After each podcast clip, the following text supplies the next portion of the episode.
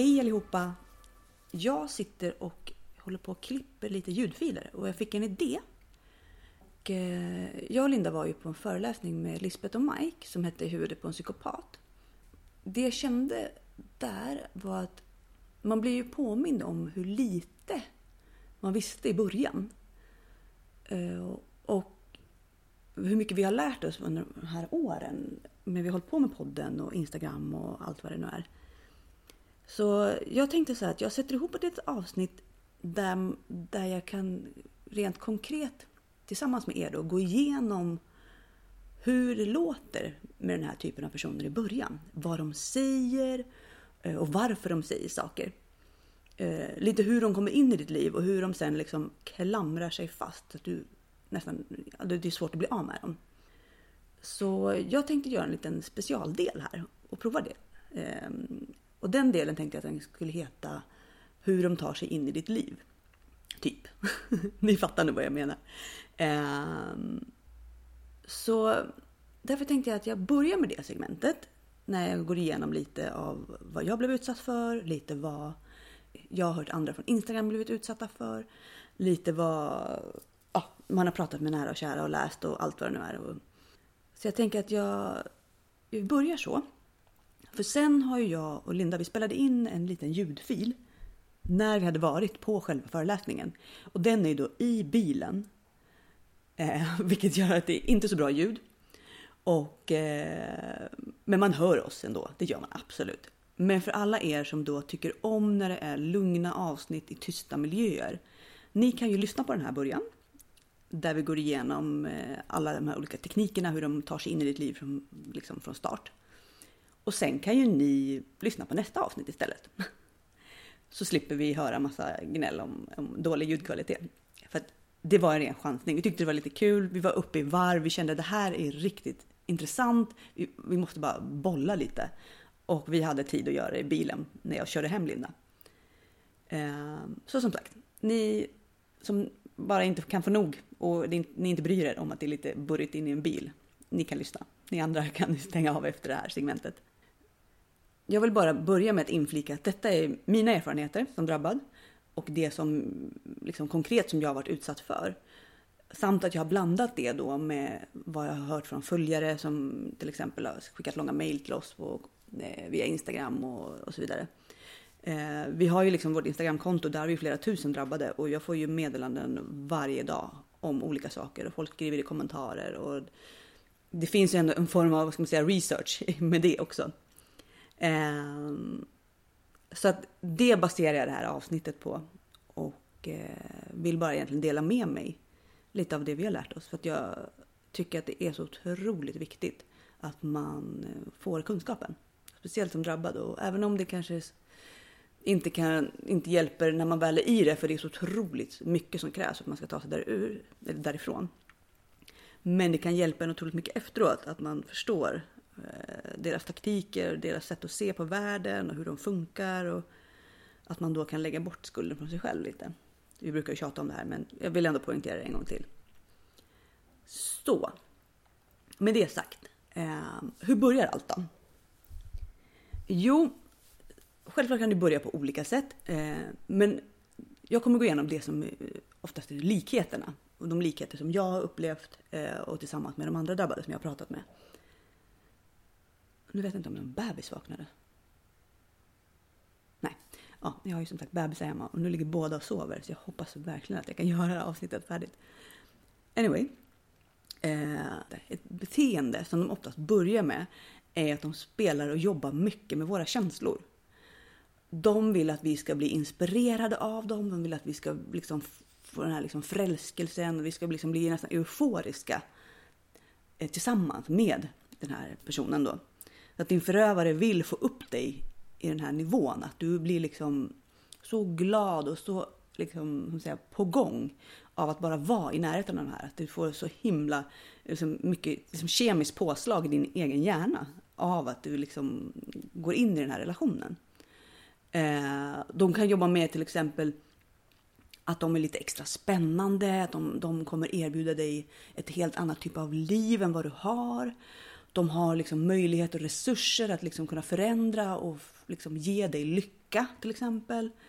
De kan komma med mm, lösningar för hur du ska bli en bättre människa. De är väldigt coachande. De kan vara superinspirerande på det sättet att de lyfter dig och får dig att liksom komma upp en helt annan nivå. Ehm, och i det så blir det en form av den här förälskelsefasen och även Lisbeth och Mike pratar om den på föreläsningen.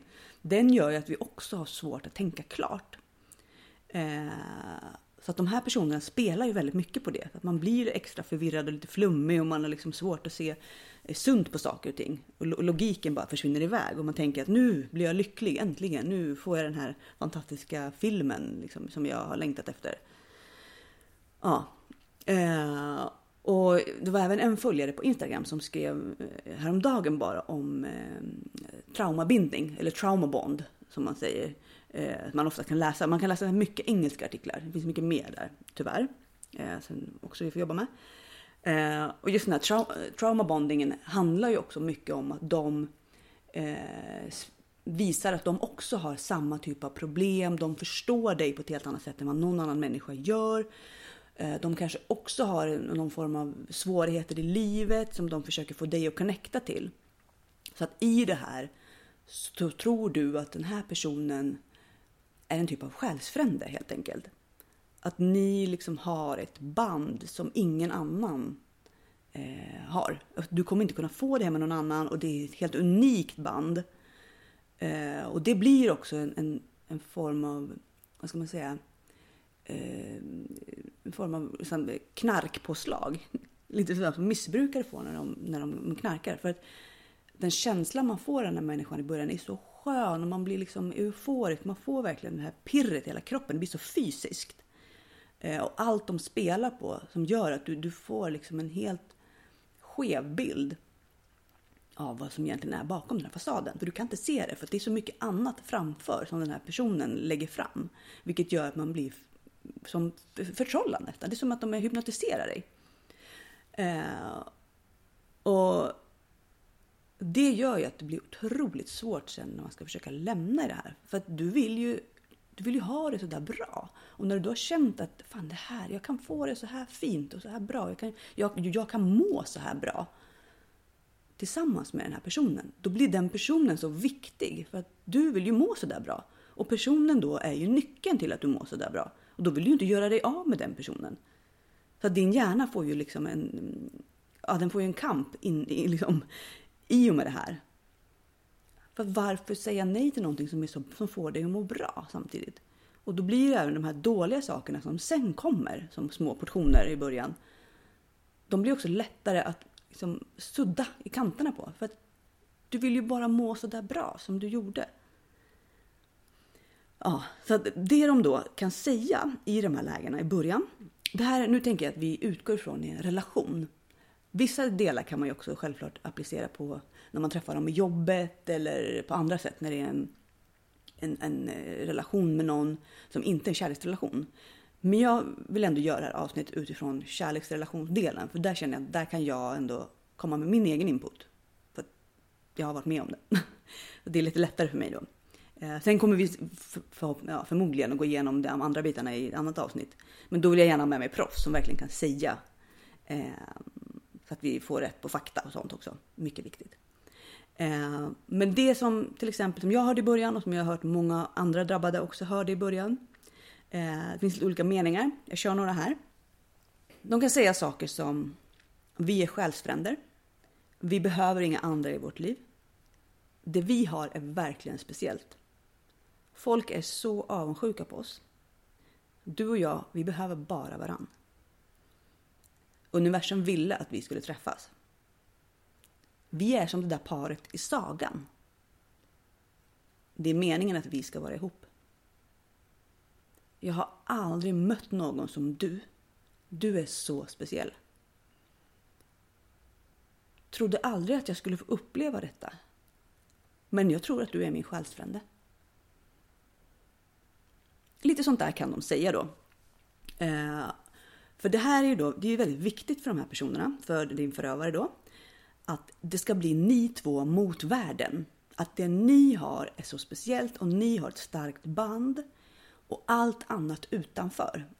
blir liksom den röda zonen kan man säga. Det blir fienden. Det blir de ni inte vill ha i era liv. Utan ni ska bara vara ni två.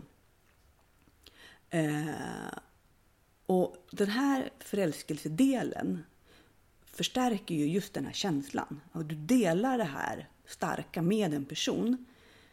Och det här starka har ju du kanske inte delat med någon annan i din omgivning. Du har inte varit så här kär i någon kompis eller känt, det är inte, ibland är det inte ens kärlek utan det är en form av ja, men bara berusning. Men du har aldrig fått det av någon annan så det blir liksom väldigt unikt för er relation. Så det finns ju en viss sanning i det. Att det här blir väldigt speciellt.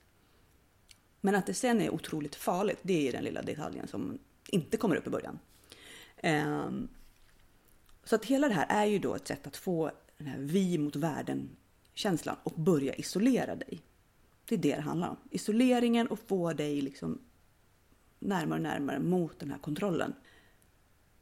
För sen då, när du har fått, fått igång den här fasen av liksom eufori och det, allting är fantastiskt hit och dit.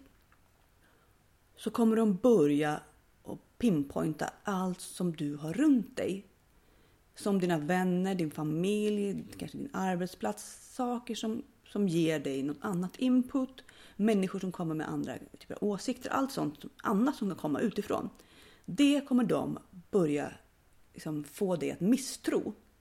Du ska börja tycka illa om, du ska börja tvivla, du ska börja bli misstänksam. Du ska börja känna obehag inför andra saker förutom din förövare då. Eh, och då kan de gå på och säga saker som till exempel att dina vänner och din familj har problem. Det kan vara allt från att de har kanske alkoholproblem, missbruksproblem, de kan ha psykisk ohälsa. Till exempel, det hette Mina vänner, jag hade en, en vän, hon var ju då, hon hatade män, enligt honom då. Och hon var otroligt negativ, så att jag skulle akta mig för henne, för hon var en person som verkligen kunde förstöra min syn på män. Eh, jag hade två andra väninnor, de var alkoholister. De skulle jag verkligen akta mig för också, för de skulle dra ner mig i den här misären. Så de skulle jag inte umgås med.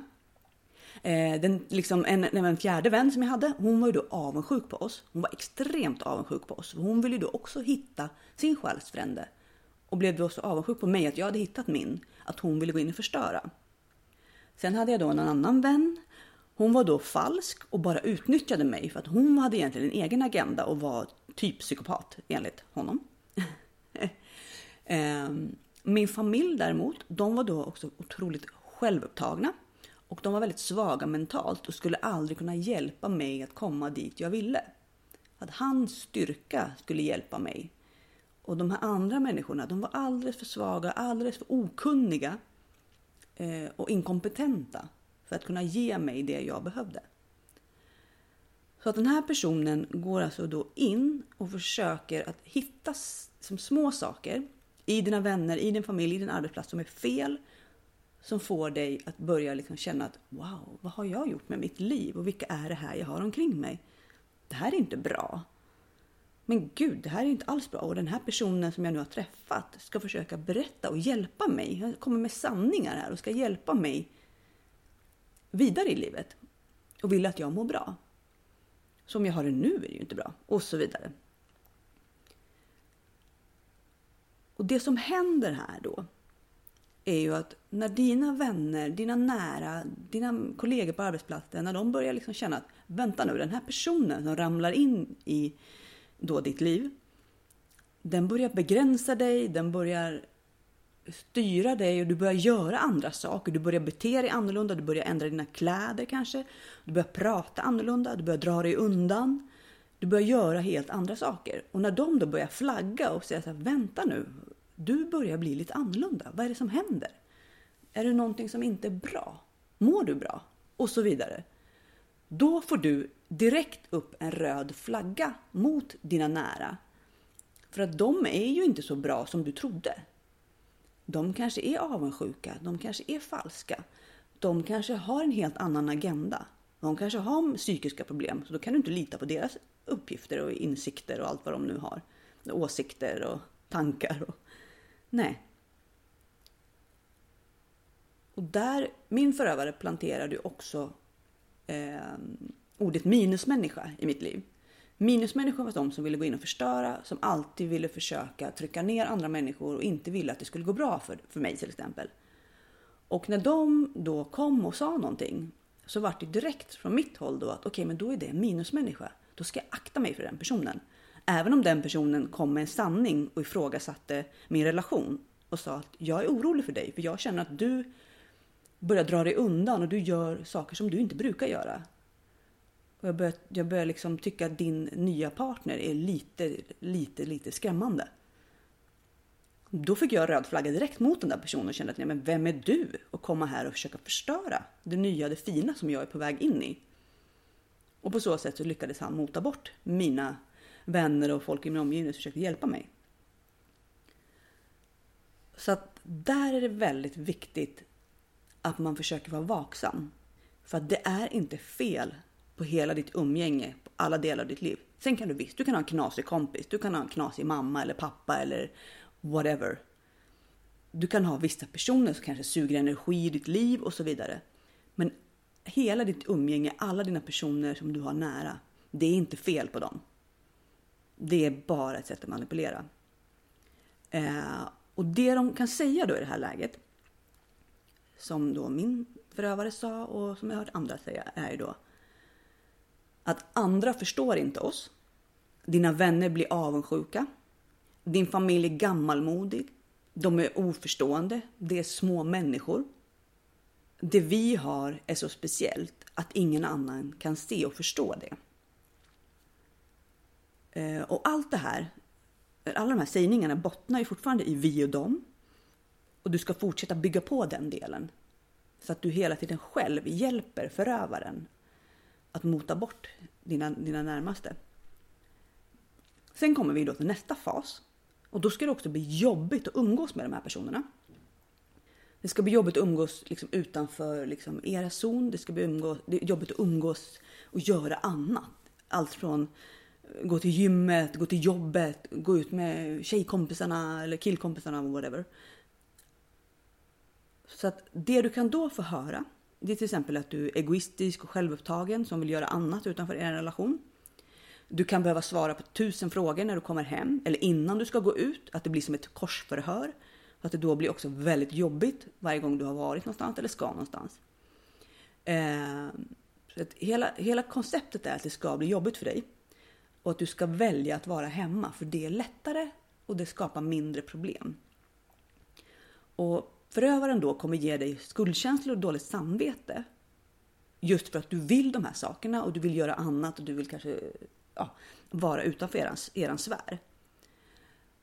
Och kommer då börja skuldbelägga dig och göra så att du verkligen mår dåligt när du försöker göra något annat och då väljer du att låta bli helt enkelt.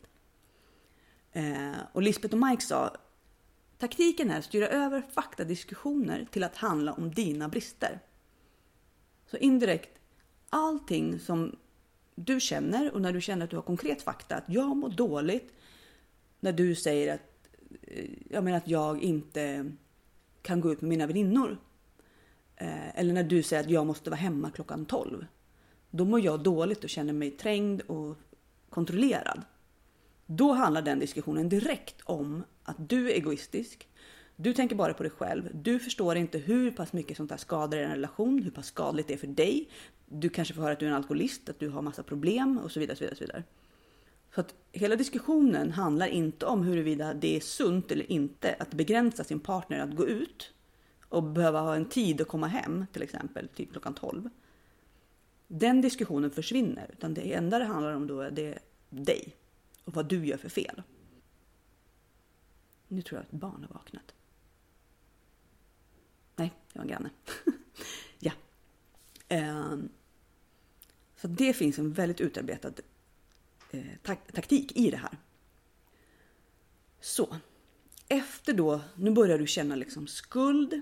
Du börjar känna dig liksom att du har ett dåligt umgänge. Dina nära och kära, dina, liksom allt runt dig är liksom väldigt nästan obehagligt och du vet inte vad du ska känna, tycka, tänka, du börjar bli förvirrad.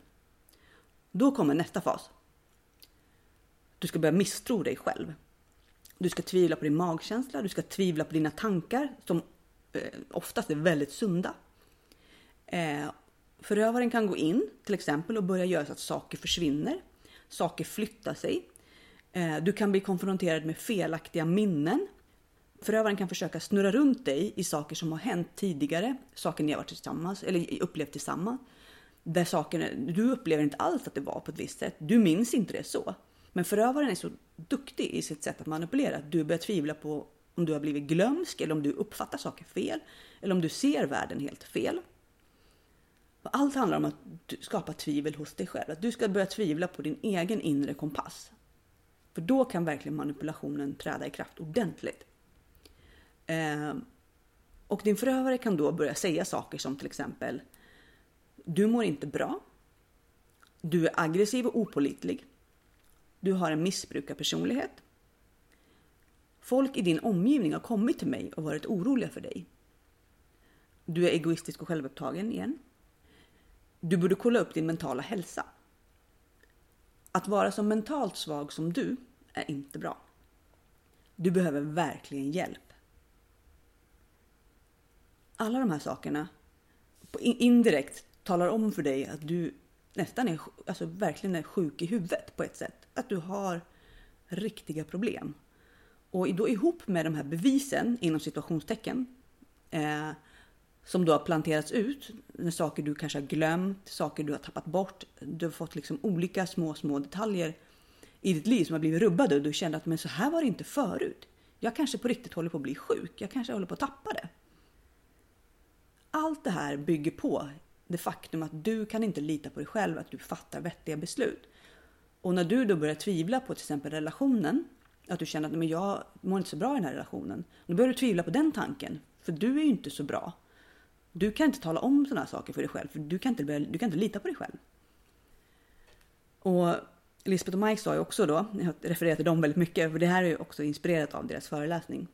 Eh, men de sa också att man litar på dem så mycket att man slutar lita på sig själv. För att det, dessa personer är så övertygande och de är så duktiga på att verkligen stå upp för liksom rätt och sant och hit och dit. Att man känner så här, men gud vad de kan mycket och vet mycket. Och de är så starkt övertygade om saker att man känner att men gud, sån där stark ståndpunkt har inte jag. Och per automatik då blir inte min ståndpunkt lika, vad ska man säga, riktig eller sann. Och man börjar vackla. Och misstro sig själv och börjar tvivla och känna att men shit, jag kanske inte har koll på det här egentligen. Det är den här personen som egentligen sitter inne med svaren och är så duktig. Jag måste lyssna på den här personen, för den här personen är faktiskt riktigt smart och kan mycket. Så det som händer nu i den här manipulativa fasen, eller liksom faserna man kan säga. Sen ut, alla personer som kan hjälpa dig börjar ju försvinna.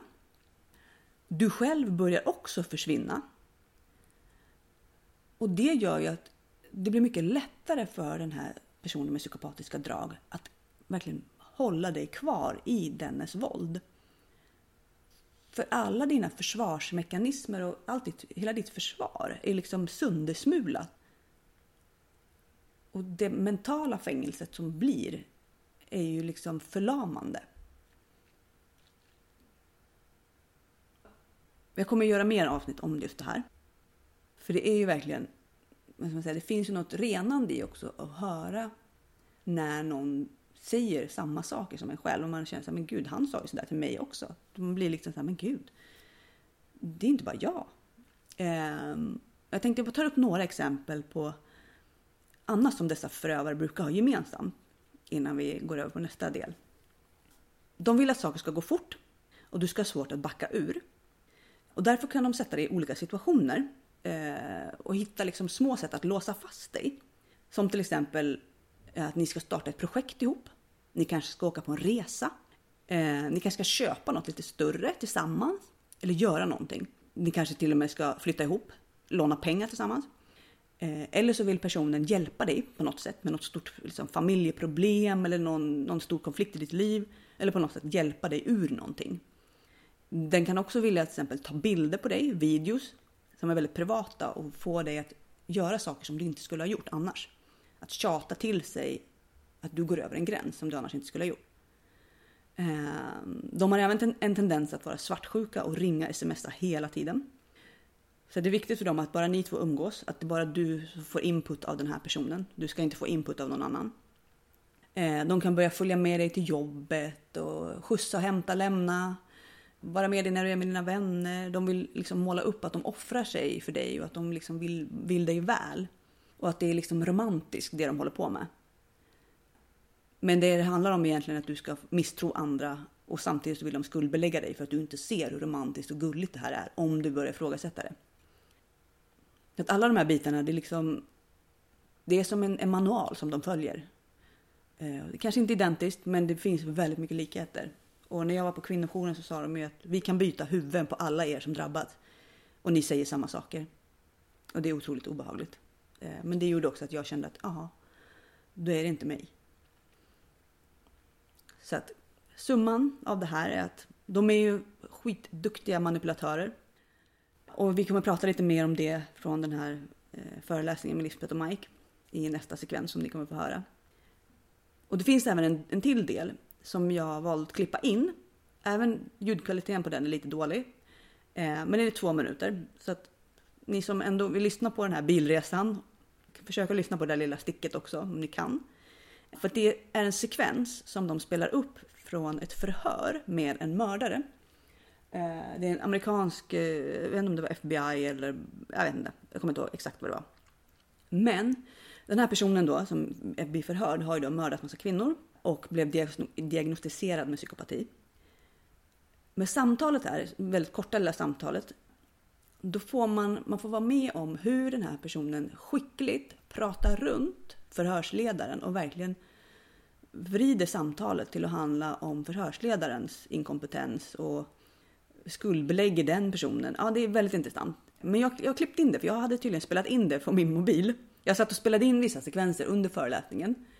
Samtidigt som jag tog bilder och hade mig. Så att den här hittade jag faktiskt. Jag kände att nej, men jag klipper in den. Och jag frågade Lisbeth och Mike om det var okej. Okay. Eh, och det var det. Så att jag har fått deras tillstånd att göra det. Så ni får stå ut med att det är lite, lite dåligt ljud på den lilla filen där. Men man får ändå med konceptet lite, vad det är vi vill uppnå. Så att bara står ni ut så lyssna gärna. Och nu kommer den delen som jag pratade om innan med mig och Linda i bilen. Så uh, ni som inte pallar lyssna på sånt, ni kan stänga av så hörs vi i nästa avsnitt nu räcker vi. Det är ju när det är en sån här liten plupp på va, eller hur? Då är vi ju räck på. Ja men då är det räck. Ja men ja, kan jag, jag släcka lampan här. Och så vi, vi testar. Ja, blir det inget så blir det inget. Ja, jag håller den lite så kanske funkar bra. Vi får se. Ja och vi får väl försöka prata lite Lite högt ja. Så att vi har, eftersom att det är en bil här också. Ja. Ska du köra fel håll du? Mm, perfekt. Ja, då sitter vi då i eh, bilen efter att ha varit på föreställningen I huvudet på en psykopat med eh, Mike Florett och Lisbeth Duvringe. Precis. Och de har ju då haft, det är, det är nästan två timmar lång föreläsning med lite paus. Mm. Ja, till och med mer. Det har alltså varit väldigt intressant. Ja, tiden gick otroligt fort tycker jag. Ja, det gjorde det. Det var verkligen inte, alltså det var, ja jag kan säga att jag, jag skulle rekommendera människor att titta på det här som inte har varit. För, för mig så kände jag inte att det var Alltså det var ju återupprepning men det beror ju på att vi har läst så mycket och varit i den här världen så mycket. Och jag tänkte mycket på det att då är det, när man är det så är det lätt att tro att alla har den här kunskapen. Men det är klart man inte har.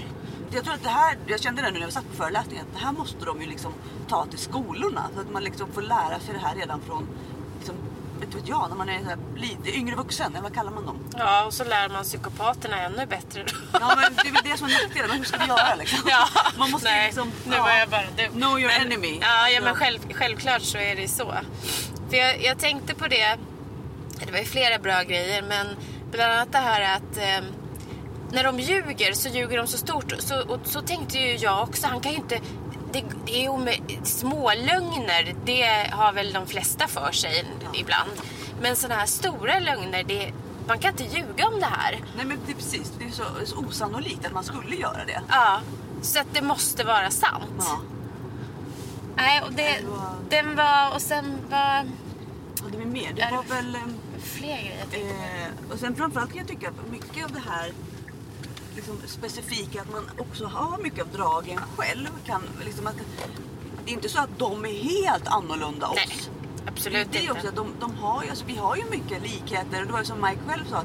Att han var ju lite så här, han är ganska utåtagerande och han, har mycket, liksom, han är väldigt verbal. Och han, liksom, alltså, han skulle kunna platsa in i en mall. Men det är de här andra, liksom, de, har alla dragen. Ja. De har liksom inte, man, man har inte bara några poäng på den här listan utan man har väldigt många poäng. Så jag tror det är därför också de, de kan gömma sig i massorna just för att man ser ju inte på dem att de är det. Nej, man gör ju inte det. Och de har ju det här grandiosa, charmiga sättet också. Ja. Vad var det de sa? Att, om, om, att de flesta vanliga killar är tyvärr inte så charmiga. Nej, de är inte så roliga. Som psykopater. Är en riktigt charmig kille, det är ett ganska varnings, alltså stort varningstecken. Ja, och sen tog de ju upp skillnaden på, på manliga och kvinnliga psykopater Ja. också. Att det är en skillnad, att det går inte att klassa på, på precis samma sätt utan Nej. de beter sig annorlunda eh, utifrån, ja, Förutsättningarna, Ja, också sexuellt precis. och lite sådär. Det var Ja. mycket det. att Kvinnorna anspelar mer på sex. Och där kan ju männen kanske inte alltid ha det som en, vi, alltså, säga, som en morot för oss kvinnor. Vi är Nej. inte lika lättköpta sexuellt. nej, Men att de kvinnliga psykopaterna verkligen kan jobba mer med det och få Ja. ut så mycket mer av männen då. För män är ju ganska lättlurade där och så vidare. ja, och vad nu det beror på. eh, Det är ju ändå intressant. Socialt eller biologi, det vet jag inte. Men det så, så, så ser det ut i alla fall. Och det, det känns ju som att det, är också viktigt kan jag tycka att man får, får mer pengar till forskning. För det var ju som de sa, det är väldigt lite, alltså, lite små medel som ens liksom går till sånt här. Ja, och kvinnlig forskning. Alltså, ska man forska på kvinnor så var det ju ännu mindre. Det, det sa de ju, vilket ju är helt, helt galet. Det känns också helt vansinnigt. Och just att vi är ju ett sånt modernt samhälle idag och där psykologi och sånt är väldigt, ska man säga, det, är mycket fokus på det och väldigt, känns som att det är väldigt viktigt även liksom, inte bara i relationer men i företagskulturen och allting. Så det känns som att det här borde man ju fokusera mer på för det är den här typen av personer som verkligen kan förstöra för andra Jag tänker sätt. på skamlösheten som man pratar om också, som har kommit mer och mer. Jag, jag vet inte om jag har sagt det i något avsnitt, men när jag eh, pluggade eh, psykologi på, för 20 år sedan eller någonting så läste vi en bok av Bo Sigrell, Narcissism. Ja. Jag tror du har lånat den. jag Ja, men den ligger i min låda. Ja, precis. Och då, och, och då pratar man också mycket om framtiden. För de pratar ju också om det här med datingkonton att det, det blir värsta rovdjursparken och det var ju mycket sådana bitar. Men en sak som jag fastnar för igen som jag alltid tycker är så otroligt viktigt det är ju det här att eh, det är så mycket vi babblar nu men det är så när man kör genom Stockholm på kvällen. Så, men eh, det är att, eh, att man måste finnas där. Ja. Eller bör finnas där för sina anhöriga. Om, om du har en person runt omkring dig som är i en relation med eller en arbetsrelation eller vad som helst. Det är inte bara säg upp dig och gå. Det är inte bara gör slut och gå. Och säg inte, ställ inte ultimatum. Om du inte lämnar så finns inte jag kvar där för dig. För det tar fem, sex gånger att lämna en, Ja, i snitt. ja i snitt. Ja, om inte mer. Om liksom. inte mer, precis. Och det är ju i snitt då. Så det kan ju Det vara hur helt- mycket som helst. Ja. Och där, precis just det här att, att verkligen vara noga med att låta den här personen få veta att du stannar hela vägen Ja. ända in, hur jävligt det än blir. Och liksom, och att, och, och, I och med att många psykopater också lyckas vända anhöriga Mm. och myndigheter och de kan ju liksom påverka så att till slut så är det ingen kvar som tror på den här personen som blir utsatt. Nej. Men då måste den här vännen verkligen säga okej, jag kommer förmodligen att få höra och se så mycket skit och verkligen liksom bli så manipulerad här. Men jag måste försöka att tro, att jag måste behålla tron liksom, och visa den här, den här drabbade personen också att jag kommer finnas där. Jag kommer inte lyssna på psykopaten, jag kommer inte ställa mig på den personens sida. Utan jag är här, jag kommer vara ditt stöd. Liksom. Mm. Ja, och jag tror att man... Det är, väl, det är väl också där, behöver inte säga så mycket. Var där, för det är handlingen som avgör. Ja. Och det är också någonting som de tog upp att eh, lyssna inte så mycket på vad de säger, titta på vad de gör. Och det gäller ju psykopaten där också, så det, det tror jag gäller i allting. Det är handlingen som talar. Ja, verkligen. Och just det, och precis på det ämnet att, att skriv upp och samla och försök inte gå in i en diskussion. Nej. Du kan inte vinna en diskussion när du pratar med den här personen för de kommer snacka sönder dig och snacka runt dig. Och vi fick ju se en film från den här mord, Ja, det eller, var fan- mordmisstänkte killen i, var det Kanada eller vad var det? Ja, Jag kommer inte ihåg vart det var Ja. nu. Men, men eh, ja, när han pratade runt, när du får frågan Did you kill this person? Och han vänder allting och pratar och, och när man ser det sådär så, så kan man ju tänka, men herregud, håll kvar vid frågan. Men när du själv är utsatt för det, nu har vi polisen här. Ja, det. Ja, när man själv är utsatt för det, då, ehm, då är det inte så himla lätt. Det är lätt att sitta där i en publik och lyssna på någonting och tänka, ja ja, men håll kvar vid frågan du. Men sitter du i, i situationen så är det jättelätt att Vi bara försöker, vi ska köra här samtidigt. Ja, vi, det är du som kör. Ja. Ja, Ja. jag vinkar och fixar. Ja. Nej men alltså, jag tyckte det, just det här när man får se dem live, jag tycker det är så himla intressant. Ja. Att man verkligen, eh, och när man klipper ut liksom textstycken, vad det är de säger och hur mycket de pratar runt och hur de spelar på känslor. Att det hela tiden var den här, för, han som in, ställde frågan, det var hans fel Ja. indirekt. Ja. Och det Eh, känner det var vi han som gjorde felaktiga saker under hela liksom, förhöret och han hade anklagat den här psykopaten och han hade gjort så och han hade gjort så och han var si och han var så. Att hela tiden psykopaten studsade tillbaka samtalet till att det var den andra personen som var en idiot. Ja, för indirekt. du hade inte sagt att... Eh, för vi har inte gjort det där. Vi har gjort lögndetektortestet och om vi ändå har gjort det så bla bla. Han pratar ju runt det. Ja. Eh, otroligt skickligt. Väldigt skickligt. Ja, här kommer ju det där lilla ljudklippet som jag hittade. Så jag hoppas att ni eh, kan i alla fall höra lite vad han säger. Tricket är ju att det är ju ändå mest svammel. Att han, det är inte det att ni, kom, ni ska höra varenda liten stavelse, för det är faktiskt svammel. De svamlar väldigt mycket den här typen av psykopater. Men när man väl sitter och tittar på dem och lyssnar på dem, när man är liksom mitt emot dem, så blir deras svammel på något sätt på riktigt. Och man förstår, eller vad ska man säga, nej man förstår inte utan man blir eh, bortmanövrerad och hypnotiserad nästan av det där svamlet. Så att man tror på det de säger, eller vad de nu försöker säga. Det är väldigt jobbigt och jag, det är svårt att förklara. Men jag kände igen mig otroligt mycket när jag lyssnade på det. Just att de, som en kompis till mig skulle ha sagt, de har riktig mundiarré. Men sen säger de smarta saker till och från, vilket gör att man liksom blir som trollbunden. Och tror att den här personen har så mycket vettigt att säga och det är jag som är den ovettiga i det här samtalet. Så jag måste lyssna och lita på den här personen. Ja, jag tror ni fattar. Ni som har varit drabbade förstår verkligen. Ni andra får väl läsa på lite. här kommer det i alla fall. Hejdå. Precis, det Paul Bernardo heter han den här och han mördade tillsammans med sin fru flera eh, kvinnor och eh, ehm, i det här klippet så nämner han även eh, Carla heter den här frun. Men lägg märke till hur han agerar här när han får frågan Dödade du Elisabeth Bain? Did you kill Elizabeth Bain on June the 19th, 1890? Well, it's a loaded question. I mean, are we going to go back and, and, and, and go through the, the time sequence of what happened in my life? I mean, I, I could just give a yes or no answer, but you know, there's a lot of issues about that. Right. You know, the, the Carlos and my role, who did what, where, when. This is why I say that you guys, you know, go down there to get a polygraph to get to see if she's telling the truth. Like, why didn't Bevan do it in the first place? I mean, he's polygraphing everyone with a Camaro. Why would he make a deal with someone and not give them a polygraph? It, it's incomprehensible to me. Uh, you know, because now I'm sitting, my file says her version, and it's a lie. you know, I, you know what I mean? Yeah. Like, I, I, you know, I- I'm not making frivolous points here. I mean, and now you're asking me after you, after you said Peel Regional said I'm lying about this, and then you're saying I'm lying about my profile, you're saying I'm lying if I'm better or not. Now you're saying, hey, did you kill this person? I mean, well, I'm lying here, here, and here. I could say, no, I didn't. Uh, but, I mean, you already said I'm lying here with Peel, you say, Okay, I'm not saying, I'm not saying No, but- who's lying. Ja, ni ser hur han snackar bort det här totalt. Och det här är ett typiskt psykopatbeteende. Eh, Och det är nästan svårt att hänga med i svängarna här. Ja, man undrar nästan vad är det han säger egentligen? Ja, och det är ju egentligen rappakalja. Men i stunden när man sitter med en sån här person så kan man faktiskt tycka att det verkar vettigt. De är så övertygande.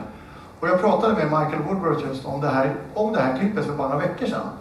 Då sa han så här, titta på det här klippet och stäng av ljudet och tänk dig Bernardo i kostym. Då ser det ut som han sitter och leder det här mötet. Så att det här, det är, det är läskigt. Och Det är väl lite så, det väl så jag känner igen väldigt mycket av det. Att, att man hela tiden, att när man har en, en, en konflikt eller vad man nu ska kalla det med en psykopat. Jag ska kalla det konflikt för det är inte mellan två människor.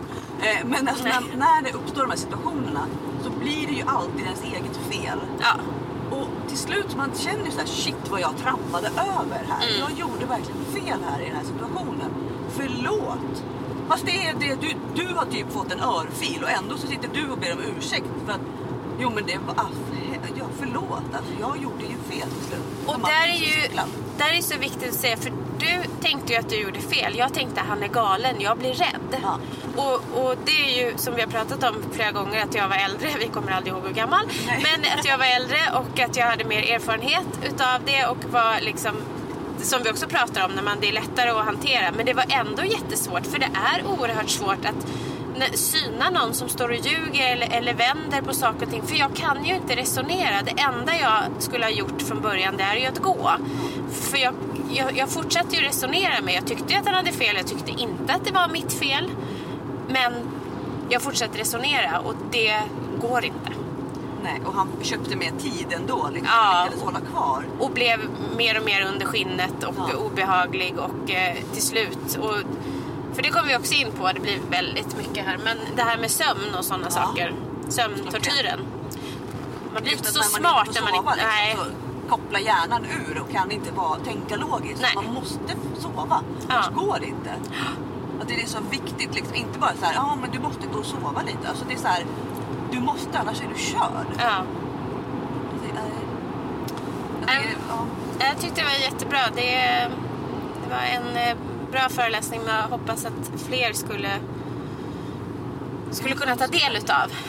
Faktiskt. ja men för det känns ju liksom som att det är så, ska man säga, men lite som Mike och Lisbeth var inne på att ja det kanske inte hjälper att du vet och kan allt. Det har vi pratat om också i podden. Mm.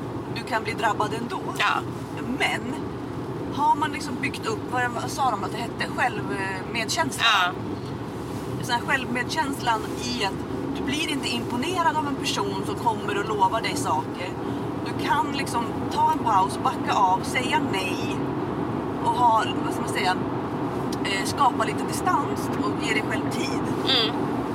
Så kan du klara dig. För psykopaten kan känna så här, men hon är inte intressant eller Nej. han är inte intressant. Precis. För att jag får inte ut det jag vill ha tillräckligt snabbt. Utan jag går vidare till nästa som tar mitt bete och bara sväljer det med hull och hår. Och det kan ju vara svårt när man är... Eh, jag lyssnade just på en eh, väldigt bra bok, eh, Draken i rummet, Ja. om eh, entreprenörskap. Gunilla von Platen. Helt fantastisk människa tycker jag. Ja. Eh, jag känner henne inte men boken var bra. Och eh, hon pratar mycket om, om psykopaterna i näringslivet och ger du dig ut där till exempel då är det ju så att då handlar det kanske mycket om vad vad man säger och vad någon har levererat för så det är oerhört svårt att syna någon också. Man kan inte gå och gömma sig under en sten och inte våga göra någonting bara för att eh, för att, man ska, för att man är rädd för dem. Men, men man, ja, det, det är jättesvårt. Och, och de pratar ju om det också att, att forskaren eh, där som är störst, han som har gjort, eh, ligger bakom psykopatchecklistan. Att, eh, att han blev lurad också. Det är lätt. Jag, På en jävla psykopatkonferens. Ja, men precis. Så jag kommer aldrig säga att nej, men jag kommer aldrig bli lurad. Nej. För det är ingen idé att göra det. Nej. Men man kan ändå ge dem en, en god match. Jag skulle svänga av. Ja, precis. du har ju bra koll, värsta kollen. Jag ska ändå svänga av typ här va? Ja, ja, Ja. exakt. Men gud. Ja. Jag har ändå koll fast vi spelar in lite Ja, du har full koll fast du har två småttingar där hemma och fullt ös och hela... Eh, nej men så att jag tänkte att vi, vi kan lägga upp den här lilla pratstunden och så ska jag klippa ihop lite ljudklipp kanske. Eller göra något kul av det här, jag vet inte. Ja, för det är du grym Får ni på. stå ut med det lite bullrigt i bilen. Ja, jag hoppas att det blir bra nu. Men jag, jag tar och... Har vi något mer att tillägga eller? Ja, Men jag vet inte, vad ska vi runda av liksom knyta ihop säcken? För det, det tycker jag ändå, jag säger så här, alltså köp deras böcker framför allt. Ja. Och läs och verkligen försök sprida den här kunskapen. Och sen självklart lyssna på vår podd. Men det gör ni ju uppenbarligen eftersom ni lyssnar på det här avsnittet. Så det behöver jag inte säga. Eh, nej men för just att vi måste hjälpas åt att sprida kunskapen. Alltså det, vi måste ut mer. Så alla ni som bara liksom pratar med era nära och kära och bara försöker liksom. Man vet aldrig vem som lyssnar och vem du kan rädda. Nej. Det kan vara någon som du, du har inte en aning om att du hjälper den personen. Just bara att den får rätt kunskap vid rätt tillfälle. Jag Eh, tänker rätt väl- tidpunkt kan man säga. Ja. Jag tänker väl att man kan avrunda med var snäll mot varandra. Så, var snäll mot varandra Ja. är väl ett ganska bra... Verkligen. Det behöver vi verkligen i dagens samhälle Ja. också. Så det är... Ja, Och så vara snäll mot sig själv och inte så dömande heller. Nej. Speciellt inte om man råkar illa ut. Men det finns jättemycket hjälp att få i alla fall. Det gör Många det. människor som kan styra upp. Och det var också det som de ville avrunda med. Att det finns faktiskt mycket lyckliga historier. Ja, Så just att vi det. måste försöka hålla vid liv i de lyckliga historierna. Att det, det går. Det finns en väg ut. Ja, och oavsett hur den är nästan, jag ska inte säga oavsett, men i många fall så är det ju hundra gånger bättre att slippa den här personen Mm. eh, än liksom att stanna kvar. Så det handlar väl mer om att bara göra det så att man klarar sig med livet i behåll. För det är det som är... Man måste vara redo för att göra det och det är Ja. ha empatiska människor runt omkring sig och eh, vara empatisk mot sig själv. Jag tror det. Så att, ja, nej men ta hand om varann och eh, nu sprider vi den här jävla kunskapen så vi gör det så svårt som möjligt för de här människorna att finnas till. Och så gör vi det modernt att vara snäll. Ja, Det tycker jag. verkligen. Mode. Mode Nytt mode. Be nice. Ja, don't be a psychopath. Exactly. Be nice. Ja. Ja, men du, jag ska försöka hitta knappar jag som är Ja, gör halvblind här. Och, Jag ja. fortsätter köra hem dig. ja, men det är min det, grej. eh, jag uppskattar det. Tack.